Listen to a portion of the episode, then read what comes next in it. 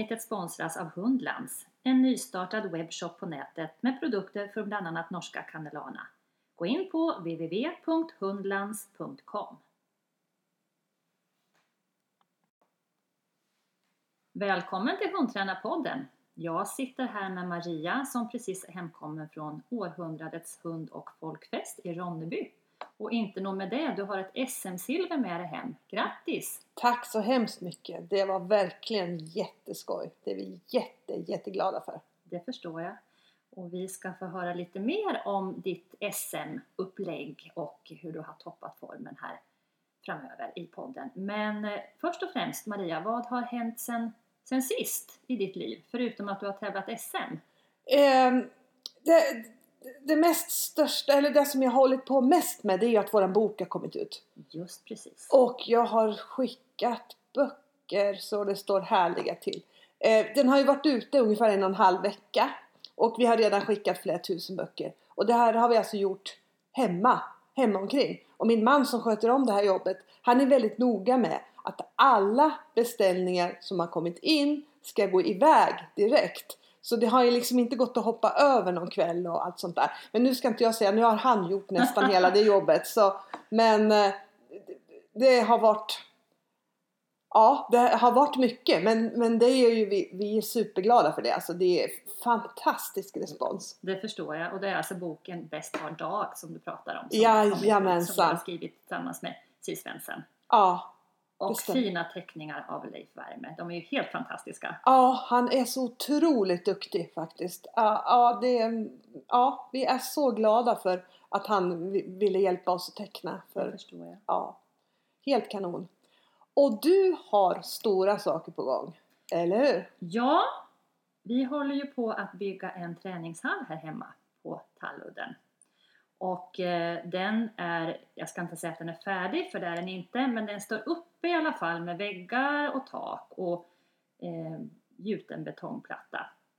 Så nu är det bara allt annat som ska till. Innerväggar, innertak, det ska dras el, det ska eh, sättas upp belysning, det ska dit en värmefläkt.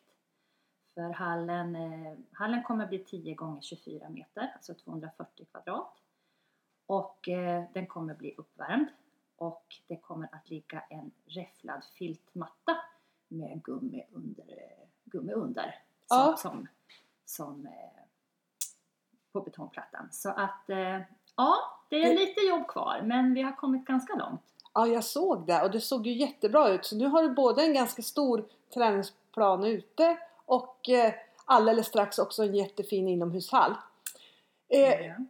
Beräknar du ha, tänker du ha den här bara för dina egna kurser eller kommer du hyra ut den också? Jag kommer hyra ut hallen i mån av, av tid. Jag kommer att ha, det kommer att bli ganska mycket egna kurser och träningar och andra kul aktiviteter i hallen här både under hösten och våren. Men däremellan så kommer hallen att att hyras ut till allmänheten. Ja, ja vad spännande. Det, mm. det ser verkligen jättefint ut. Tror du att det kommer bli kanonbra? Jag hoppas det. Och eh, du har tävlat också, eller hur?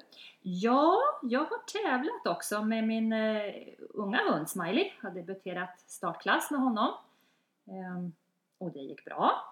Det kändes ungefär som på träning och det brukar ju vara ett, ett bra betyg tycker jag. Ja, Inga större ja. överraskningar. Det som vi behöver jobba på att det, det, som vi jobbar på på träning kom fram även på tävlingen. Små, små delar och detaljer som man känner behöver stärkas upp. Men på det stora hela en riktigt fin debut med en, en bra känsla och mycket glädje och energi. Ja, ja vad kul. Mm. Vad kul. Och du har ju gjort detsamma. Jag har med gjort din oj. Jajamensan. Det har jag. För ja, det var då i somras när det var sådär himmelens varmt. Gjorde vi vår startklass då. Mm. Och eh, ja, jag tyckte det var lite samma känsla för mig. Det kändes bra, han kändes genomtränad och han, ja, ja. Det var inga konstigheter utan vi fick vårt första pris och känner oss nöjda och glada med den, med den klassen då. Han, det lilla jag har sett av honom ser han ju väldigt fin ut i träningen så att det, det kommer säkert att och bli, gå bra för er tror jag. Ja, detsamma får jag säga. Det är ju lite spännande att ha en ung hund på väg upp i, i träning liksom. Och det är mycket saker som ska till. Det är mycket saker som ska till och vissa saker kan man inte skynda på heller utan det måste få ta sin tid. Ja, det, det är ju någonting som du och jag har pratat lite, lite om att, att kanske många har lite bråttom med sina unga hundar. En del hundar är tidiga och man kan debutera tidigt på tävling och de är klara för att tävla.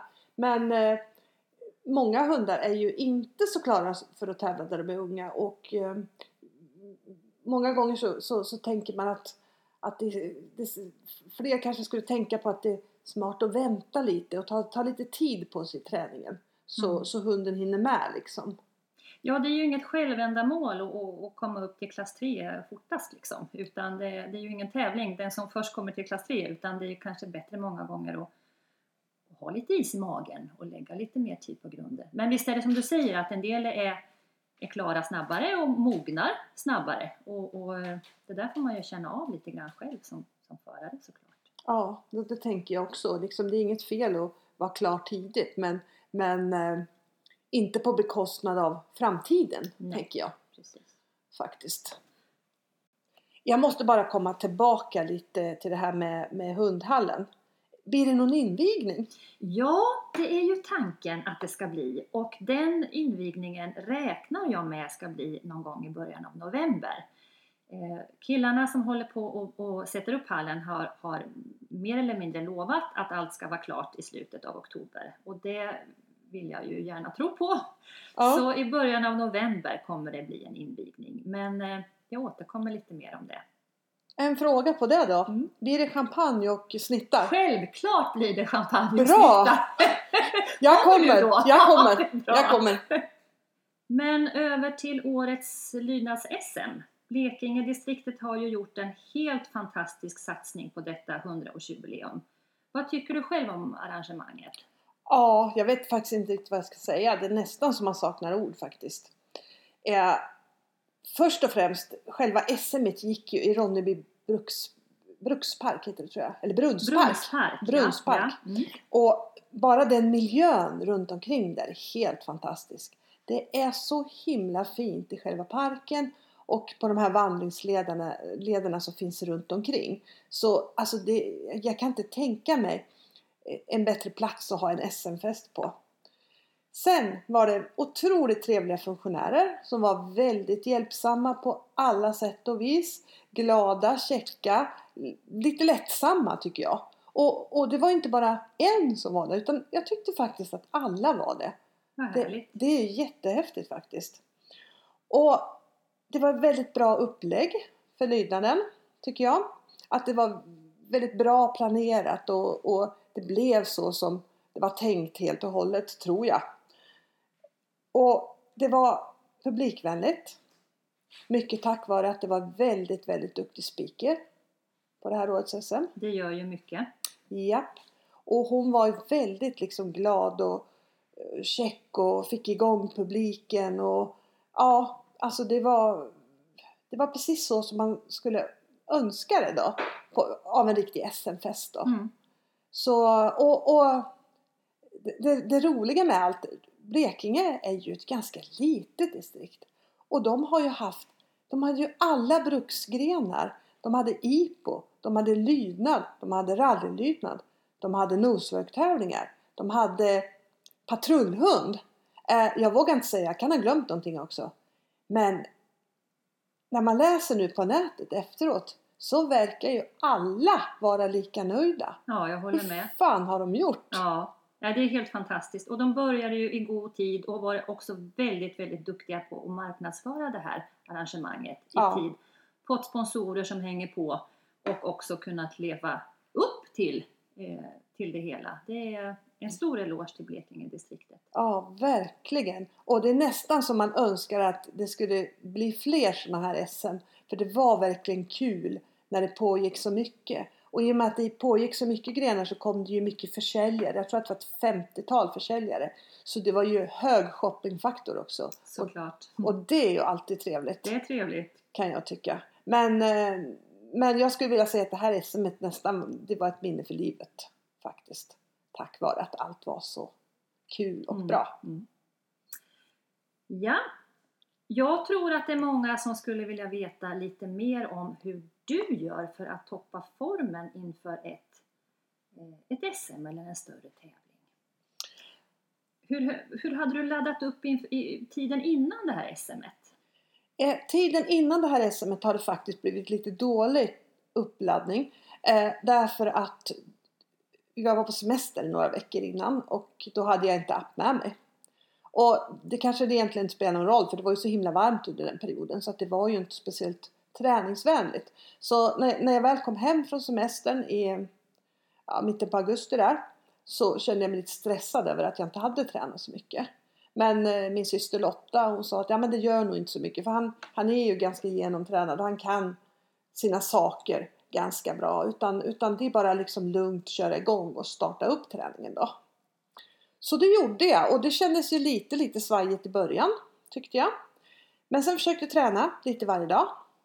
Och körde lite detaljträning i början men gick ganska snabbt över till ganska mycket helhet då för att känna efter att liksom allting funkar.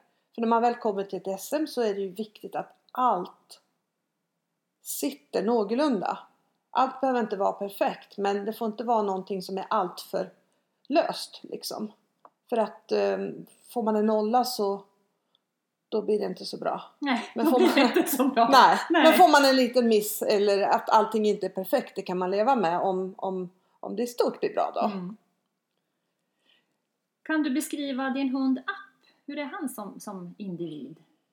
Han är en ganska cool och en ganska laid back hund. Som eh, det kokar sällan i hjärnan på honom utan han är liksom han, han är med hela tiden. Han är ganska mån om att göra rätt. Han tycker om att veta vad han ska göra och veta vad som ska hända. Och eh, han eh, går väldigt bra om han är på gott humör liksom. Om han är på gott humör? Ja. Eller om du är på gott humör? Ja, det är nog lite samma. Det har lite med att göra. Men liksom om, om han känner sig bekväm och känner sig liksom trygg och liksom så här så, ja. Så funkar han? Ja, ja. det gör han. Vad tycker du rent generellt att man behöver tänka på om man ska försöka toppa formen? Och då tänker jag inte bara träningsupplägg utan även andra saker. Eh, jag tänker fyskoll, fysträning, foder, egen mat, eh, mental uppladdning, boende. Är du, är du noga med sådana saker? Allt. Mm. Allt. Mm. Jättenoga med det. Jag vill gärna, liksom, det, det blir inte alltid så på alla SM för det beror lite på hur man... Men jag vill gärna komma i god tid. Jag vill gärna vara där och se när de bygger upp området och allt sånt där. Som vi var i år. Vi kom på söndagen. Tävlingarna började på onsdagen. Eller på torsdagen började de. För på onsdagen var det bara veterinärbesiktning. Men, men jag vill vara där i jättegod tid. Jag vill bo bra. Bekvämt. Eh, hyfsad standard vill mm. jag att det ska vara. Mm. För jag, vill, jag känner så att jag vill själv koppla av. Jag tycker inte alls om, om det är några störningar i boendet eller om det är någonting som jag irriterar mig på där. Och jag vill bo någonstans där det är bra för hunden att, vara också. Och bra för hunden, där man lätt kan rasta och där man kan gå långa promenader och ja, där det är lite lugnare också kanske då. Så det, det tycker jag är jätte, jätte viktigt då. Mm. Ehm, jag, jag, jag, tycker också att det är viktigt att att man kan kombinera det här med träning och vila under dagarna innan också. Så att jag kan göra exakt så som, att träna exakt så mycket som jag tror att det behövs. Och eh, vila så mycket som jag tror att det behövs. Och där blir det också viktigt att det är samma sak för hunden då. Så jag vill, eh, där jag bor och sådär, där vill jag också att hunden ska kunna koppla av. Nu är det sällan något problem eftersom mina hundar är väldigt vana vid att vara med hela tiden. Men jag vill nog ändå att det ska vara ganska lugnt så att det inte är massa skällande hundar runt omkring hela tiden sådär. Utan att det är ganska lugnt och sådär. Ehm, um, med mat och mat till hunden och sådär, ja men det kör vi på det, det vanliga helt enkelt. Så det är inga liksom konstigheter. Egen mat, det tänker jag jättemycket på. För det är superviktigt. Eh, om hunden och jag ska vara ett team som presterar på topp så måste jag vara lika skärpt som jag vill att min hund ska vara. Och det kommer jag inte att vara om jag inte äter. Så jag är jättenoga med att äta på tävlingsdagar. Och, och för hundra år sedan när jag tävlade då var jag alltid så nervös så att jag vågade, eller jag orkade inte äta frukost och sådär. Och jag åt inte på hela dagen och det slutade med att jag blev allt surare, allt grinigare och så fick jag typ huvudvärk i två dagar efteråt. Mm. Och, och sen en dag så bestämde jag mig bara liksom att nej, äter du inte frukost blir det ingen tävling. Ät frukost, du får åka på tävling. Hoppa över frukost, du får vara hemma. Och så var problemet löst. Och sen eh, nu, nu försöker jag jag blir också ganska nervös ibland när jag ska gå in på plan och sådär. Men jag ser till att jag alltid har sak, att jag alltid har någonting att äta innan då också. Kanske bara lite keso eller en frukt eller ja men någonting. Och framförallt om man får vänta länge och ska in på plan sen. Så att man, blodsockerhalten hålls uppe och att, och att man själv mår bra och är bekväm liksom. Det här är ju lite intressant tycker jag för att jag tror många är väldigt duktiga med sina hundar både när det gäller fyskoll och fysträning och de ska ha bra foder och man ska ladda på rätt sätt inför tävling men kanske inte lika noggranna när det gäller sig själv. Och en kedja är ju inte starkare än den svagaste länk. Man Nej. vill ju själv vara minst lika förberedd som hunden. Absolut. Och, och, och det måste man ju vara om man själv ska ku- kunna hålla liksom rätt fokus. För när du väl kommer på ett SM så är det ju väldigt många beslut som ska tas. Hela tiden. Och, snabba beslut. Ja, och snabba beslut gånger. ibland Mm. också. Och, och, och ja, men då, det gäller ju att man är med så mycket som man kan då, då faktiskt. Eh, jag hade ju också en väldigt, väldigt förmån i år. Jag hade en coach med mig, Karin Bengtsson. Hon var min coach. Och hon hjälpte mig hela veckan med precis allting. Så det kanske var det mest rogivande SM jag varit på. För hon gjorde verkligen allt. Det började med att jag kom på söndagen. Då säger hon Du, jag har varit här ett par timmar. Det är lite varmt på rummen.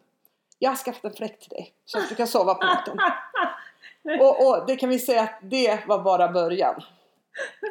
Ja, det, det är en bra coach som har koll på sådana detaljer också. Ja, exakt. Så Mm. hon har hjälpt mig jätte, jättemycket. Dels har hon hjälpt mig med det praktiska. Det är bara bra och så härligt lyxigt. Mm. Men sen har hon hjälpt mig mycket på det mentala. Det kan vi komma tillbaka lite till. Mm. Ja, Men det är ju kanske det som är mest viktigt och mest värdefullt. Och samma sak hjälpt mig lite med träningen innan och framförallt hjälpt mig med tankar om träningen innan som, ja, men som är jätte, jättebra. Om man har med sig en coach så här på, på en större tävling så är det ju nästan en förutsättning att man känner varandra ganska väl. Att man vet hur den Mm. andra fungerar, vad den andra vill ha och inte vill ha. Ja, Eh, så, att, så att det inte blir några krockar på vägen. Att man kanske inte som coach utgår från sig själv. Så här skulle jag vilja ha det. Utan man, man vet hur den andra personen fungerar. Men Ja. ni känner ju varandra väl sedan tidigare och har både tävlat och, och tränat mycket ihop. Så att det Ja, förstår jag ja, det har vi. Och vi har ju rest mycket ihop. Vi har ju varit ute i Europa och gjort lite turer flera gånger och varit borta kanske, varit kanske på resande fot i 14 dagar båda gångerna. Så att vi har, kände ju varandra ganska bra. Och Karin har ju en enorm fingertoppskänsla i vad hon ska säga och inte säga.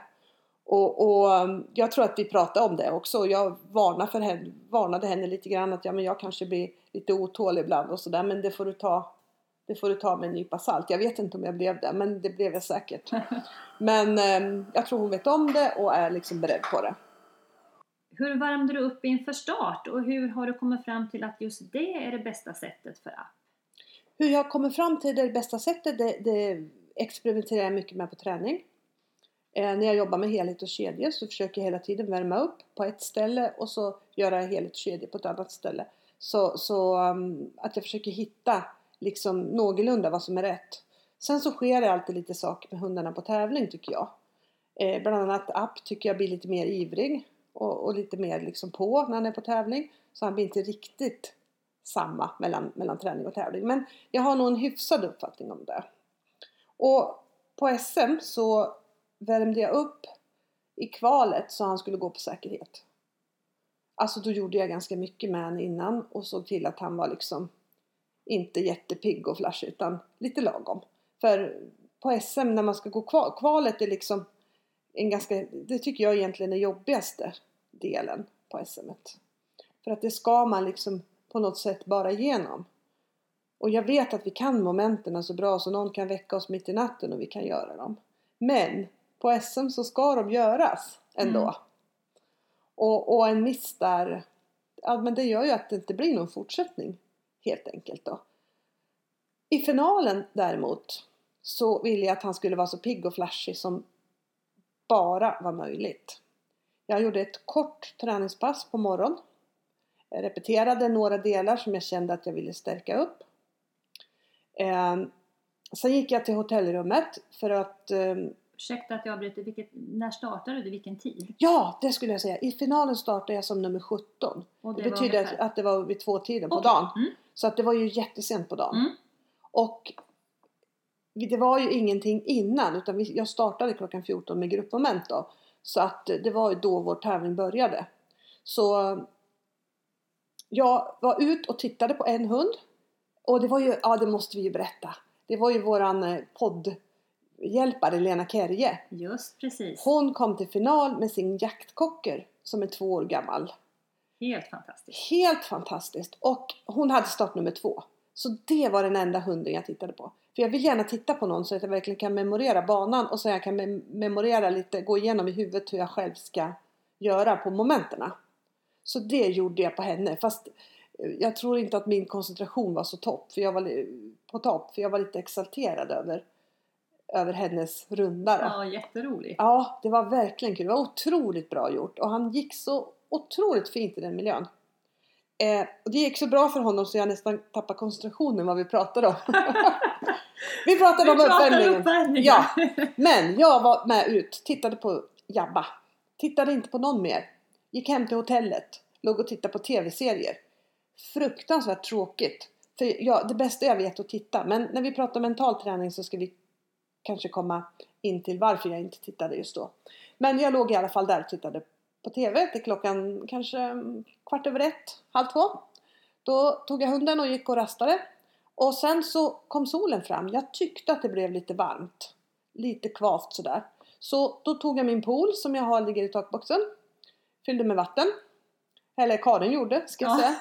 Såklart. Ehm, och sen fick jag ligga där ungefär 10 minuter. Och sen gick jag därifrån till tävlingsplatsen och gjorde en väldigt kort uppvärmning där. Jag gick lite tidigare än vad jag hade tänkt därför att det var ganska hög speaker. Spiken pratade ganska högt så jag kände att hunden skulle få lyssna lite på det här innan, innan vi startade så att, så att han skulle ja, men känna igen det då. Och så, ja som sagt bara en kort uppvärmning där. Så att han var ju väldigt, väldigt fräsch när vi gick in i ringen för då hade han sovit hela förmiddagen och ja, gjort en väldigt kort uppvärmning. Så lite chansning och lite sådär att jag hoppas att han håller ihop sig liksom. Vilken tanke vill du själv ha i huvudet när du gör entré på planen? Eh, jag vill, jag, jag känner så att jag vill ha hunden i någon slags, hunden och mig själv i en, slags mental bubbla. Och det betyder att hunden är bara fokuserad på mig och jag bara fokuserar på hunden. Så det, det jag vill, om det är en tanke vet jag inte vad man kan säga, men jag vill ha liksom, ja men jag vill att vi ska vara ett ganska sammansvetsat team när vi precis går in. Jobbar du mycket mentalt med dig själv inför finalen och i så fall hur? Ja, jag gjorde det. Och en av mina strategier då, det var ju att jag inte skulle titta på någon. Utan att jag, att jag skulle liksom helt ladda upp själv då. Jag hade också bestämt mig att jag inte alls skulle veta hur det hade gått för dem innan. Så det var jag jätte, jättenoga med. Att, eh, att jag inte skulle få reda på heller. Så jag kom ju till tävlingsplatsen lite tidigare. Men när, när det kom någon och ville prata med mig så vinkade jag faktiskt bort dem. Så om jag var otrevlig då så då vet ni varför nu. För Du jag ville inte inte att Karin de... med dig som bodyguard där som motade bort dem. Nej, inte just då. Därför att hon, hon var på tävlingsplatsen och hade andra uppgifter. Men just då hade jag inte. Men hon, hon har också varit med och motat när vi kom, när vi kom så långt. Så motade hon bort dem Mm. faktiskt. Och just det där, för jag vill inte prata just då. Och eftersom jag inte vill veta hur det hade gått så vill jag inte heller att någon ska säga någonting. Och, och det, var väl en liten mental strategi. Jag tycker jättemycket om att titta på finalen. Jag hade verkligen velat se alla. För det, det tycker jag är jättekul och det är faktiskt en av de kuliga grejerna med SM. Men jag fastnar gärna i, när jag sitter med mina SM-glasögon och ska tävla, så fastnar jag helt och hållet i liksom eh, jättekonstiga tankar. För jag tycker att alla går så bra och alla gör allting så fantastiskt och det är helt otroligt. Och mina kompisar skojar om det här. För de menar på att rätt som det är så när vi har sett på en SM-final så när någon har fått, fått fem på fria följd så har jag sett och sagt ja men fantastiskt! Vilket fritt följd! Har du sett? Det här skulle vi aldrig kunna göra! Och det där har de väldigt kul åt. Och jag, SM-noja kallas det. Ja, SM-noja lite grann. Och, och jag tycker att, ja men eh, jag, jag tappar lite fokus på vad jag själv ska göra. Så, så därför bestämde vi i år att jag skulle gömma mig helt enkelt och inte, inte veta och inte bara gå in och göra, köra mitt race då. Och det visade sig ju vara en väldigt bra strategi. Ja, det var det faktiskt. Jag visste liksom, för, för båda sakerna, vet man att ingen har gjort något jättehögt resultat, då får man press för det. Vet man att, no, att någon har gjort ett jättehögt resultat, ja men då får man press för det liksom. Nu behövde man liksom, nu behövde jag inte bry mig om det. Och det fick en positiv bieffekt med sig och det var att jag tänkte, ja men skitsamma hur det går egentligen. Men däremot ska jag försöka visa upp hans bästa jag. Och det tror jag faktiskt att jag lyckades med till stora delar. Inte helt kanske, men till stora delar gjorde jag det. Så, så det var ju kanske exempel på en mentalt strategi där och då liksom. Absolut. Och jag tror att det blir bra. Jag, jag känner att jag, hade jag fått gjort det en gång till så hade jag gjort precis samma sak. Mm. Jag fick en bra känsla.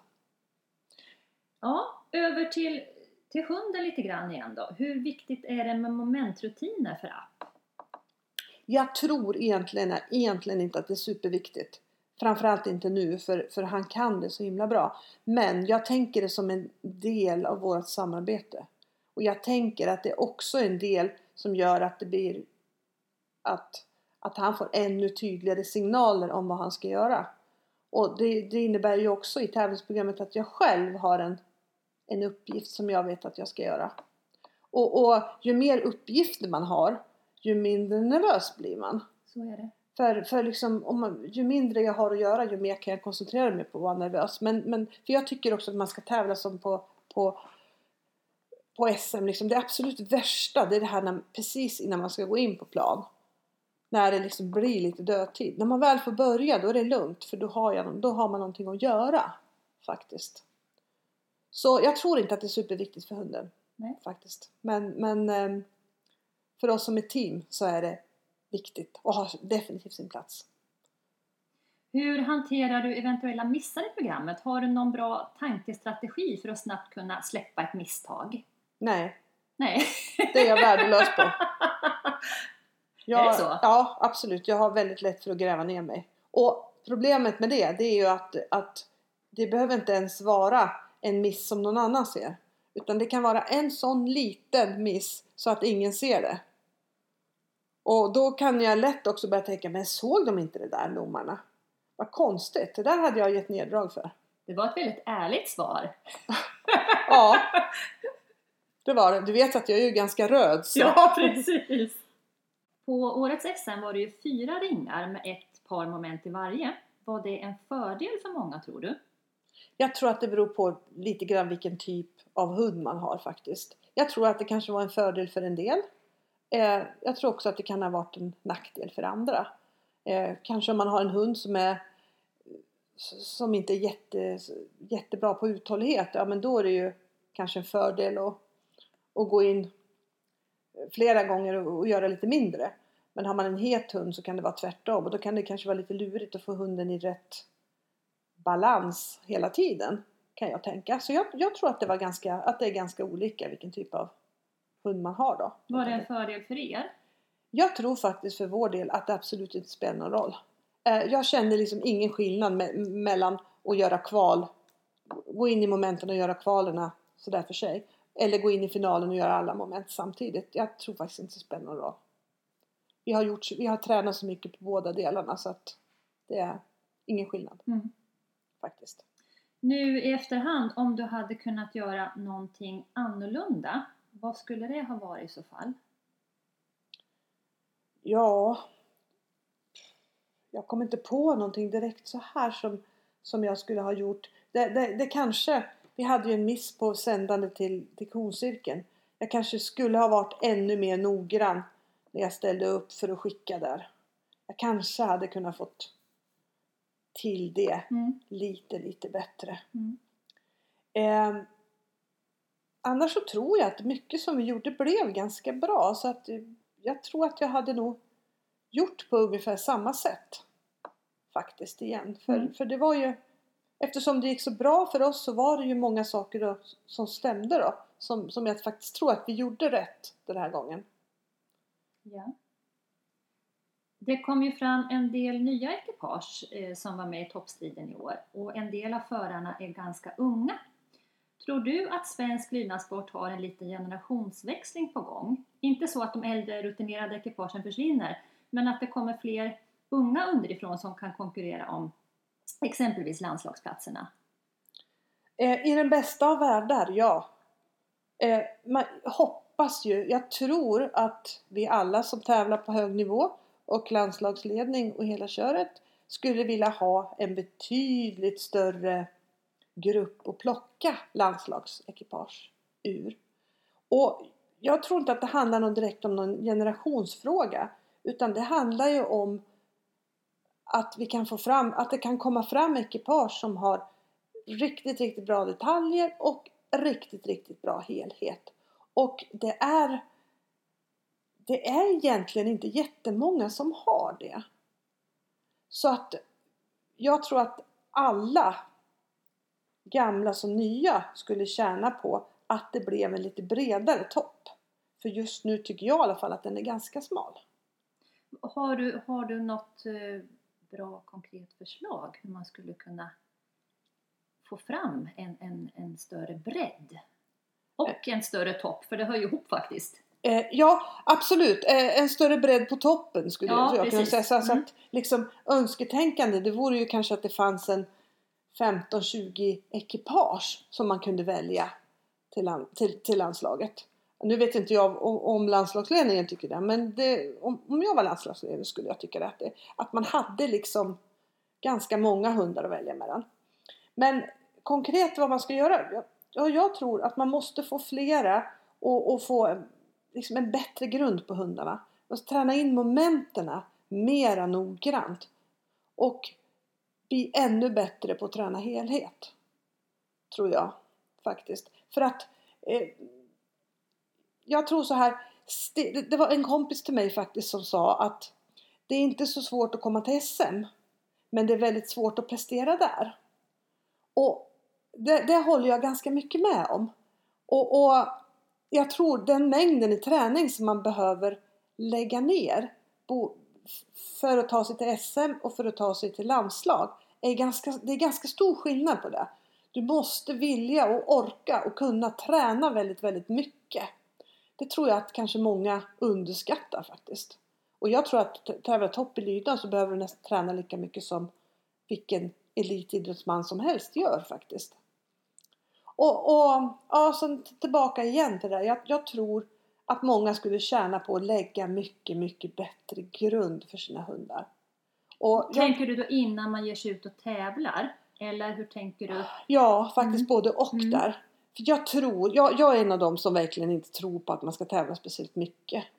Eh, där, därför, därför att om man har saker som inte är bra om man, hunden får göra det många gånger på tävling så blir det ju bra att göra det på tävling.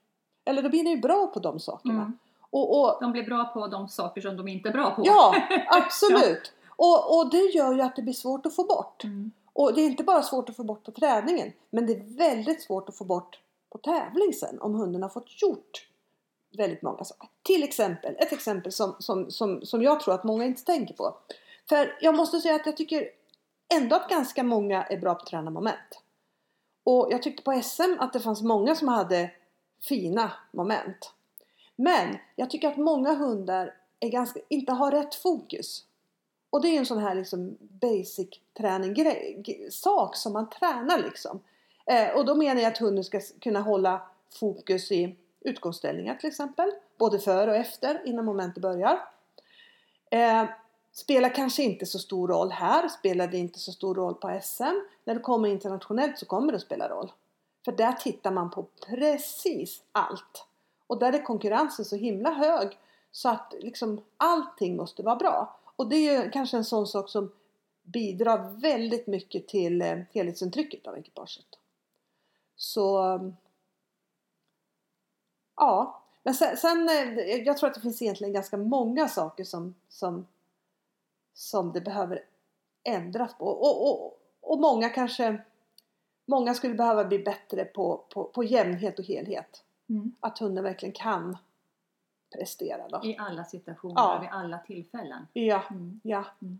Och, och, och, och liksom det här med en bra grund. Och det är kanske ettan och, och trean. Fatima Spabo, Maria Danielsson är ju två som jag vet som faktiskt har jobbat väldigt, väldigt, väldigt strategiskt med sin träning. Och det var ju väldigt kul att de fick så bra utdelning för det. Och- jag tycker kanske inte att det var speciellt konstigt heller att de fick det. Nej. Därför att de har verkligen gjort en målmedveten och, och bra satsning liksom. Ja, verkligen. Och sen är det många fler som kanske har gjort det också. Men så ska man få till, få till det just den dagen då. Och det var faktiskt någon som sa till mig, men du hade kunnat vunnit om du hade fått till eh, det där konskicket. Ja, det hade jag. Det är helt rätt. Men om, om vi ha, hade haft om och men, då hade ju alla fått till sina om och men. Ja. Då hade det inte blivit någon skillnad. För alla som startade, även, även ettan, även ettan, tvåan och trean hade sina issues. Det Mm. hade alla som Mm. startade på SM hade något om eller men. Men om alla hade fått till sina om och men så hade det ändå blivit samma resultat. Mm. Och, och komma, vinna SM till exempel, ja men det handlar om att du ska göra allting denna, den dagen. Mm. Och, och gör man det så då, då är man bäst helt enkelt, Mm. tycker jag. Håller med dig fullständigt. Tar du med dig något specifikt från årets SM? Alltså, ja, jag, jag tar nog med mig två saker. Dels att, att, att jag hoppas verkligen att det kan fortsätta bli sån här lydnadsfest som det var på SM. Att man verkligen kan ta med sig de här bra sakerna därifrån för lydnadssporten. Jag tror det är otroligt viktigt. Jag tror att det är bra att många får starta på SM. Eh, jag tror att eh, om man får komma på mästerskap och uppleva den där stäm- stämningen så tror jag att det är en riktig träningskick faktiskt för många. Så du tycker att det ska fortsätta att vara fler antal än 50 som det har varit det tycker jag. Jag håller också med dig där. Jag tror att det är Absolut. väldigt bra för Och det blir ingen kvalhets eller något sådär. Man behöver inte, folk behöver inte leta vilka domare de ska tävla för och sådär. Utan jag tycker, jag tycker det där blir bra faktiskt. Och jag tror verkligen att det är en motivation att få komma ut och starta på mästerskap. Och att det är någonting som gör att ehm, att- Ja men att man blir vidare Ja, fler inspirerad. orkar träna. Ja. Och sen eh, en sak till. Jag, jag tar med mig igen hur viktigt det är att ha en coach med sig. Eh, jag har ju haft det förut ganska mycket genom åren då. Eh, men sen sista, jag tror att är sista två åren så har jag inte haft det. Utan då jag, och, och förra året då åkte jag helt själv. Men jag, jag känner att det är jättestor skillnad faktiskt, helt klart. Och framförallt det här så tycker jag att det har varit otroligt värdefullt för mig och haft någon att diskutera både träningen med och upplägg med.